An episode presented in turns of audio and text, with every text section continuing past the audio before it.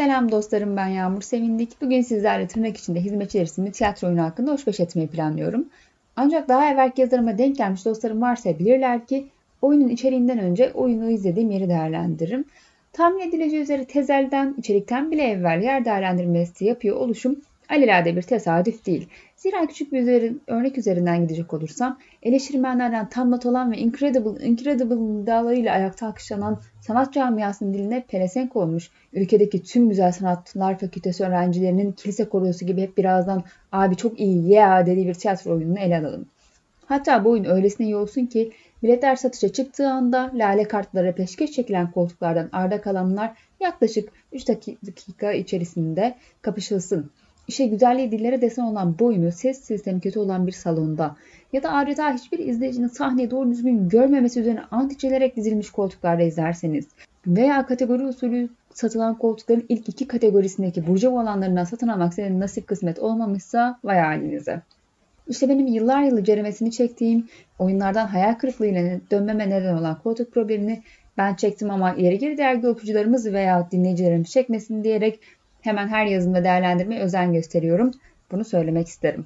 Bu upuzun ve ağdalı girişini bir kenara koyduktan sonra tırnak içinde hizmetçiler oyununu Kemerburgaz kent ormanında izlediğimi söyleyerek artık esas konuya nihayet giriş yapıyorum. Oyun Dot Orman'da ekibinin ormanın girişinden yaklaşık 2,5 kilometre kadar içeride hazırladığı bir tiyatro oyunu alanında oynanıyor. Ama önce müsaadenizle bu kutsal sahneye giden yolu çektiğim çilelerden söz etmeden duramayacağım. İlk başta söyleyeceğim şey oyuna geç kalmamak için mutlaka ama mutlaka mekana erken gitmeniz. Zira alana arabayla ulaşacak olsanız bile oldukça içeride kalan bu yeri tarif eden tabelalar yeterli değil. Akşam ilerleyen vakitlerinde ışık da yeterli değil. Hele yürüyecekseniz yaklaşık bir saatinizi alabilir. Daha da problemli bir olay. Gidiş yolunda bir zamanlar sonra Sanatköy tabelaları sizi terk ettiği için Dot Orman'da ekibinin pembe afişlerini işaret kabul ederek yola devam ediyorsunuz ki bu kısım tam bir meçhule giden yol. Hatta o esnada acaba doğru yolda mıyım? Şu an bir hiçliğe bilinmezde doğru mu ilerliyorum? Varoluşsal sancılar mı çekiyorum? Ya da acılara yürüyor ve korkmuyor muyum? Allah'ım soruyor beyninize hücum ederken tam işte o an sebat ederseniz alana ulaşıyorsunuz. Ha gayret dostlarım. Piknikçilerin haricinde tiyatro izlemeye geldiği her halinden belli o akşamlık arkadaşlarınızı gördüğünüzde alana zamanında ver, ulaşmış olmanın verdiği rahatlıkla oturuyorsunuz ve e, tabii ki e, bu esnada oyunun başlamasına yakın yahu biz yetişemedik de yahu birazcık tiyatroya bekletir misiniz gibi antin kuntin aramalar yapmıyorsunuz inşallah tiyatro ekiplerine. Yani bu kadar saygısızlık olmaz. Siz ya da bir arkadaşınız siz yapmazsınız da siz iyi insanlarsınız da şey yapanlar olabilir. Arkadaşlarımızı uyaralım. Gerçekten böyle bir olay yaşandı maalesef. Neyse bu ufak sitem ve kızgınlığı bir kenara koyduktan sonra alana girişte ekibin teker teker açık havada oynanacak olmasına rağmen oyun HES kodlarını sorguluyorlar. Bu çok iyi. Çünkü yani hepimiz açık havada olacağını da bildiğimiz için otururken maskelerimizi indirdik ve sağımıza solumuza öksüren tıktıran olduğunda acaba tam şuramdaki işte solumdaki sağımdaki şu tarafında oturan kişi Covid'li bir birey midir gibi sorular aklınıza çok da fazla takılmıyor, sizi üzmüyor. İçeri girdiğinizde ise ormanın zeminine yerleştirilmiş olarak ön dekorunu ve o dekoru 360 derece çevreleyen iki sıra halinde dizilmiş kamp sandalyelerini görüyorsunuz. Bu sandalyeler her ne kadar öndeki iki sandalyenin arasına gelecek şekilde yerleştirilmiş ise de yani özellikle bu ikinci sıradakiler pek tabii ki maalesef oyun esnasındaki takım sıkıntılar giderilmiyor. Çünkü bu küçük hamle önümüzdeki insanın geniş omuzlu olmasıyla veya fazla uzun boylu olmasıyla pıt diye yerle bir olmuş oluyor. Çünkü bu dizilim bir amfi dizilimi diye bildiğiniz kamp sandalyelerinin iki sıra ardarda arda dizilmiş olması. Yani dizilmesiyle oluşan bir oturma düzeni. Bu sebeple oyuncular eğer oturduysa veya yerde oynuyorlarsa işte o anlarda ikinci sıradaki insan olarak ne jest ve mimikleri görebiliyorsunuz ne hareketleri göremiyorsunuz, görebiliyorsunuz. Dolayısıyla kaçırıyorsunuz. Bazen bu idare edilebilir bir durum olsa da yer yer benim gibi böyle her şeyi görmek isteyen bir insansanız sizi sıkıntıya düşürecek bir şey. O yüzden erken gitmenizi salık veririm. Ormanda tiyatroyu izlemenin hiç iyi yanı yok muydu derseniz adalet duygum beni dürttüğü için yani var elbet diyerek hemen sayacağım.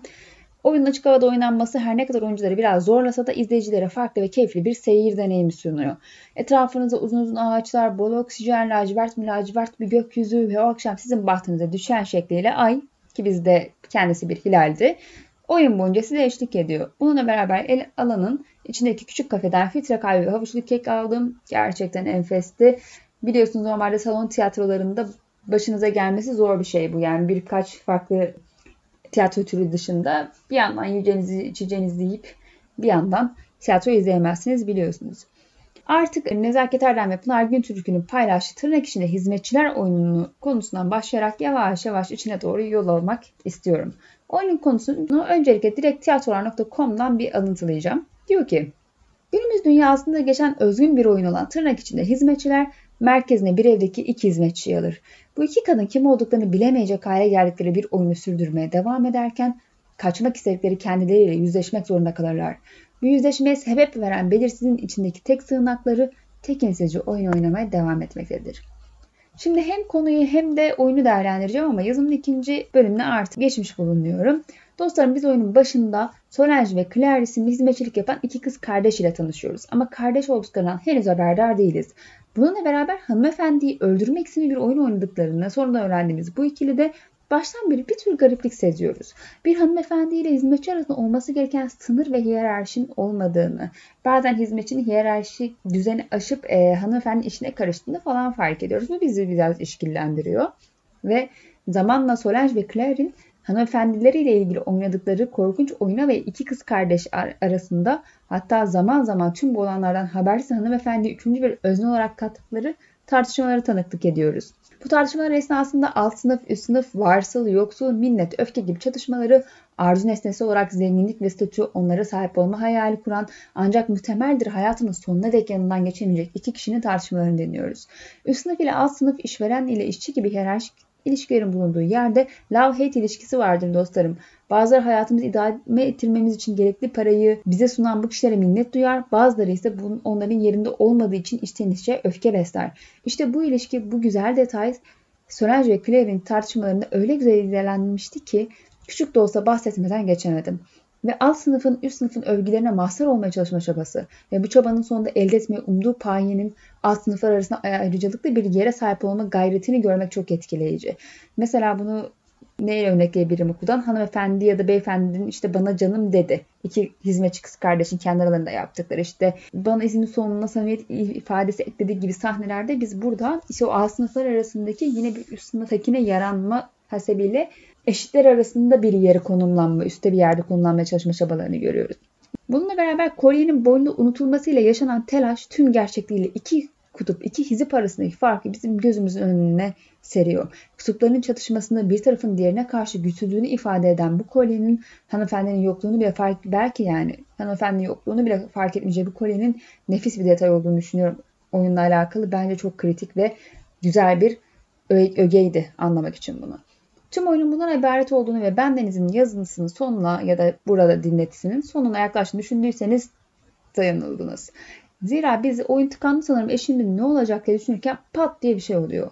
Biz Solange ve Claire'in İpek ve Bahar isimli iki tiyatrocu arkadaşın oyunu olduğunu anlıyoruz. Sizin anlayacağınız baştan beri izlediğimiz her şey oyunun içinde bir oyunmuş. Hanımefendiyi öldürmek oyununu oynayan Solange ve Claire, Solange ve Claire karakterini oynayan İpek ve Bahar ve elbette son olarak tüm boyunu oynayan Nezaket Erdem ve Pınar Güntürk'ün. Peki ve Claire hanımefendi üçlüsüyle İpek Bahar ve Yıldız üçlüsü arasında hiç mi bir benzerlik yok? Olmaz mı efendim? Var hem de fazlasıyla. Ancak bunu size anlatabilmek için bir cümleyle de olsa Yıldız'dan bahsetmem gerek. Dostlarım İpek ve Bahar'ın evlerinin kiralarını ödeyen, onlara daha rahat bir yaşam süren, onların çektiği sefilliği tabiri caizse maalesef ki ee, yaşamayan, işleri patlayan, TV'ye iş yapan bir kişi Yıldız. İpek ve Bahar'ın Yıldız ile ilişkileri, onun hakkındaki konuşmaları ve ona karşı hissettikleri özellikle minnet öfke ekseninde değerlendirildiğinde fark ettiğimiz üzere Solange ve Claire, Solange, Claire ve hanımefendi üçlüsüyle aynı. İpek ve Bahar neredeyse tüm oyunlarını, pardon, umutlarını bağladıkları tiyatro oyunlarında canlandırdıkları Solange ve Claire karakteriyle yer yer hatta belki de çoğunlukla kendilerini oynamaktalar. İşte bu sebeple oyundaki bazı anlarda gerçek ve oyun karışmakta, eleştirilerin hedefinin oyundaki hizmetçiler mi yoksa birbirleri mi olduğu konusunda emin olmak yer yer oldukça güçleşmekte. Veda vaktimin yavaştan geldiğini hissediyorum. Öncelikle en sevdiğim sahnelerden birinin İpek ve Bahar'ın bir TV programında gibi oynadıkları sahnedeki yüzleşme diyebilirim.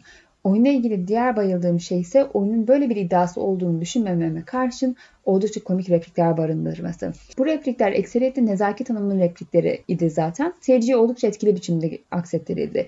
Mizahın zor ve en önemli yanlarından biri komik olan ögeyi komik biçimde verebilmektir. İşte Nezaket Hanım bunu oyun boyunca çok iyi başarıyor ve sonucunda reaksiyonunu izleyiciden kahkaha biçiminde almayı biliyor.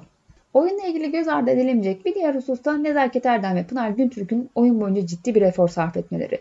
Zira açık alanda oynamak onlara, onlara her zaman kolaylık sağlamadı. Örneğin ikili oyunları oynamaya devam ederken o esnada mikrofonun bozulan konumunu düzeltmek, hoparlöre yaklaştıklarında gerçekleşen çınlamayı durdurmak, rüzgarın bir takım etkileri, ışık açık ve işte açık havanın getirdiği ufak tefek aksiliklerle uğraşmak zorunda kaldılar. Belirtmem gerekir ki bu oyun hakkında karmaşık duygulara sahibim. Ağırlıklı olarak beğendiğim birinin olmasına karşın son bir olumsuzluğa da değinmeden yazımı sonlandıramayacağım. Burada da dinletimi. Sanatçı ve hizmetçiler internette yazana göre tek perde 85-95 dakika arasında bir süreye sahipmiş. Ancak biz tek perdeyi 2 saate yakın izledik. Oyunun uzun olması elbette sorun değil. Ancak ikilinin tartışma sahneleriyle başka bir takım sahneleri doğaçlayarak uzatmaları izleyici olarak bizi biraz sıktı. Buradaki sorun doğaçlama yapmak değil. Doğaçlanan yerlerin sahneyi kaliteli biçimde uzatmaması. Bu anlarda sık sık tekrara düşülmesi ve doğaçlama, doğaçlanan alanının genişletilememesiydi.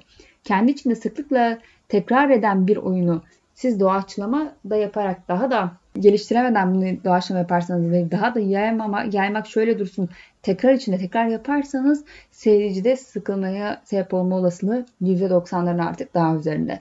Tam da bu nedenle 85-95 dakika arasında bitseydi oyun 7.8-8 civarına vereceğim bu oyun benim için 7.3 ile 7.5 bandında kaldı maalesef.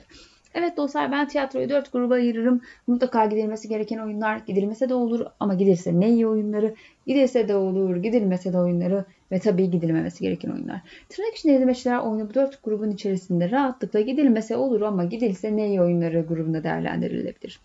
Malumunuz tiyatrolar pandemi sürecinde bir bir buçuk yıl kadar kapalı kaldı ve maalesef bu sırada yeterli destek göremediler. Hatta ne yazık ki bazıları kapılarını biz seyircilerine kapatmak zorunda kaldı. Birçoğu ayıracak olan, olayırabilecek olan olanlarınız varsa hem güzel ve keyifli bir akşam geçirmek hem de sanatçılarımıza destek olmak için tiyatrodan daha iyi pek az seçenek vardır diye düşünüyorum. Bu haftaki dinletimin sonuna geldim. Bu ilk podcast'im, ilk podcast'im günah olmaz diyorum. Sürçülisan ettiysem affola.